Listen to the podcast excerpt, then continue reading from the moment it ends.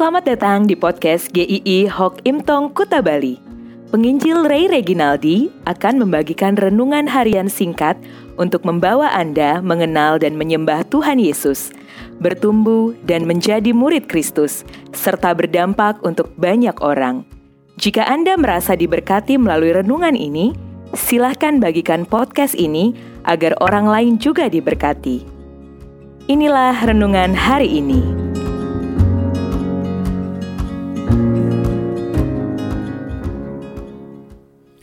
Yefta, Hakim-Hakim 11 ayat 11. Maka Yefta ikut dengan para tua-tua Gilead, lalu bangsa itu mengangkat dia menjadi kepala dan panglima mereka. Tetapi Yefta membawa seluruh perkaranya itu ke hadapan Tuhan di Mispa. Apa yang terjadi di masa lalu kita? Bagaimana kita diperlakukan? Bagaimana kita dididik? bagaimana ada rasa sakit yang dialami, sering kali sangat mempengaruhi apa yang kita jalani hari ini. Tidak sedikit juga yang hidupnya mengamini citra buruk yang dikatakan orang-orang yang ada di sekelilingnya terhadap dirinya.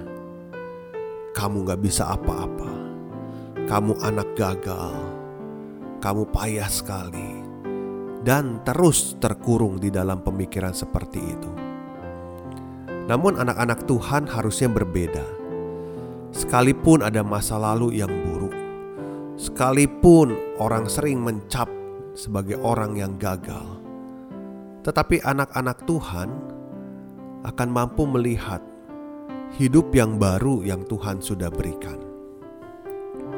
Yefta dari kecil sudah diberikan cap yang melekat, yaitu cap yang buruk pada dirinya. Coba perhatikan keterangan tentang diri Yefta. Adapun Yefta orang Gilead itu adalah seorang pahlawan yang gagah perkasa. Tetapi ia anak seorang perempuan sundal. Ayah Yefta ialah Gilead. Ada cap di sana dikatakan dia adalah anak perempuan sundal. Itu cap yang melekat pada dirinya. Dan mungkin itu yang menjadi perbincangan seumur hidup dia. Pasti sangat menyakitkan hatinya dan itu mempengaruhi dirinya. Bahwa dirinya memang lebih rendah dari orang lain.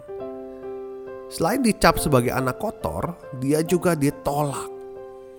Setelah besar dikatakan dia diusir oleh saudara-saudaranya, dia tidak mendapatkan bagian warisan. Artinya dia tidak dianggap sebagai bagian dari keluarga itu. Besar kemungkinan juga dia ditolak bukan oleh saudara-saudara dekatnya saja, tetapi oleh kaum keluarga yang lebih luas, oleh orang-orang lain juga yang ada di daerah, daerah itu.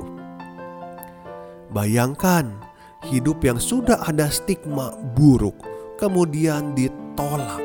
Hidup tanpa ada pegangan siapa-siapa, tidak ada yang membelanya, tidak menerima kehangatan kasih. Dan di dalam pelariannya dia ada di lingkungan yang tidak kondusif. Tetapi mungkin di situ dia merasa paling diterima bersama para perampok di sana. Tetapi sekali lagi ini keadaan yang di luar bayangan orang banyak. Justru Yefta, orang dicap buruk, orang ditolak itu, orang yang ada di lingkungan pergaulan yang buruk justru dipakai Tuhan untuk menyelamatkan orang Israel.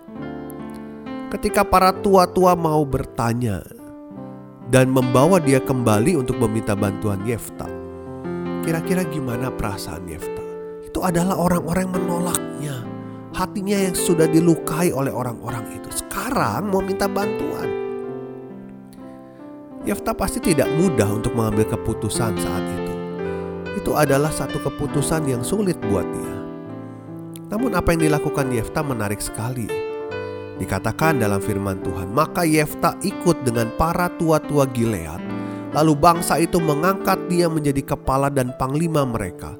Tetapi Yefta membawa seluruh perkaranya itu ke hadapan Tuhan di Mispa. Kita tidak tahu bagaimana relasi Yefta dengan Tuhan. Tetapi langkah Yefta itu sangatlah indah ketika dia ada di dalam posisi itu, dia membawa semua hal itu, mungkin sakit hatinya, kekecewaannya, rasa marahnya karena ditolak, semuanya di hadapan Tuhan. Artinya, dia mau berjalan bersama dengan Tuhan, sekalipun banyak hal yang tidak dia mengerti. Liz Strobel dalam bukunya Case for Grace bercerita tentang seorang wanita Korea. Dia lahir tanpa dia tahu siapa ayahnya, tanpa dia pernah kenal siapa ayahnya. Ayahnya dikatakan mungkin prajurit Amerika Serikat. Dan di masa lalu itu, di kalangan orang Korea, ketika ada anak hasil kawin campur seperti itu, itu menjadi bahan olok-olokan, apalagi tidak ada ayahnya. Lalu satu kali ibunya bertemu dengan pria lain. Pria itu mau menikahi ibunya ini.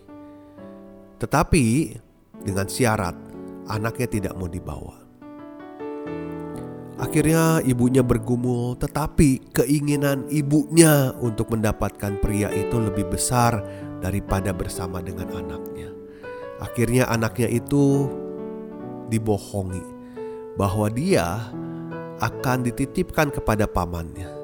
Dia dinaikkan ke kereta api pada masa itu, dibelikan tiket, turun di satu tempat, dan di sana dia tidak ada seorang pun yang menjemputnya. Dia menunggu berhari-hari di sana, tidak ada. Bahkan dia menjadi bahan olok-olokan juga orang di sana.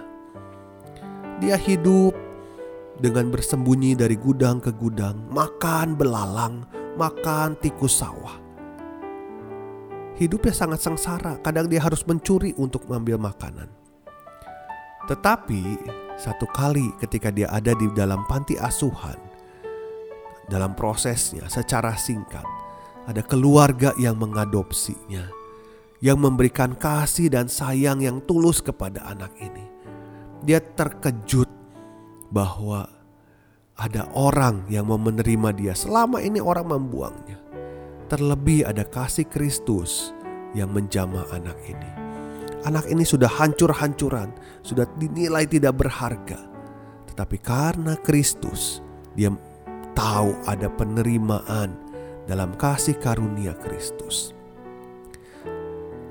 Kebenaran dari renungan ini, pertama, ingatlah seberapa buruknya masa lalu Anda. Tuhan mengasihimu dan Tuhan sudah mati untuk menembus seluruh dosamu. Jadi penerimaan terbesar di dalam Tuhan Yesus. Percayalah kepadanya. Kedua, jika Tuhan menempatkan kita di posisi untuk kita membantu kembali orang-orang yang sudah menyakiti hati kita, maka mohonlah pertolongan Tuhan untuk mengampuni orang yang sudah menyakitimu. Berdoalah untuk mereka, ulurkan tangan untuk mereka. Sampai berjumpa di seri yang terakhir besok tentang hakim-hakim. Tuhan memberkati.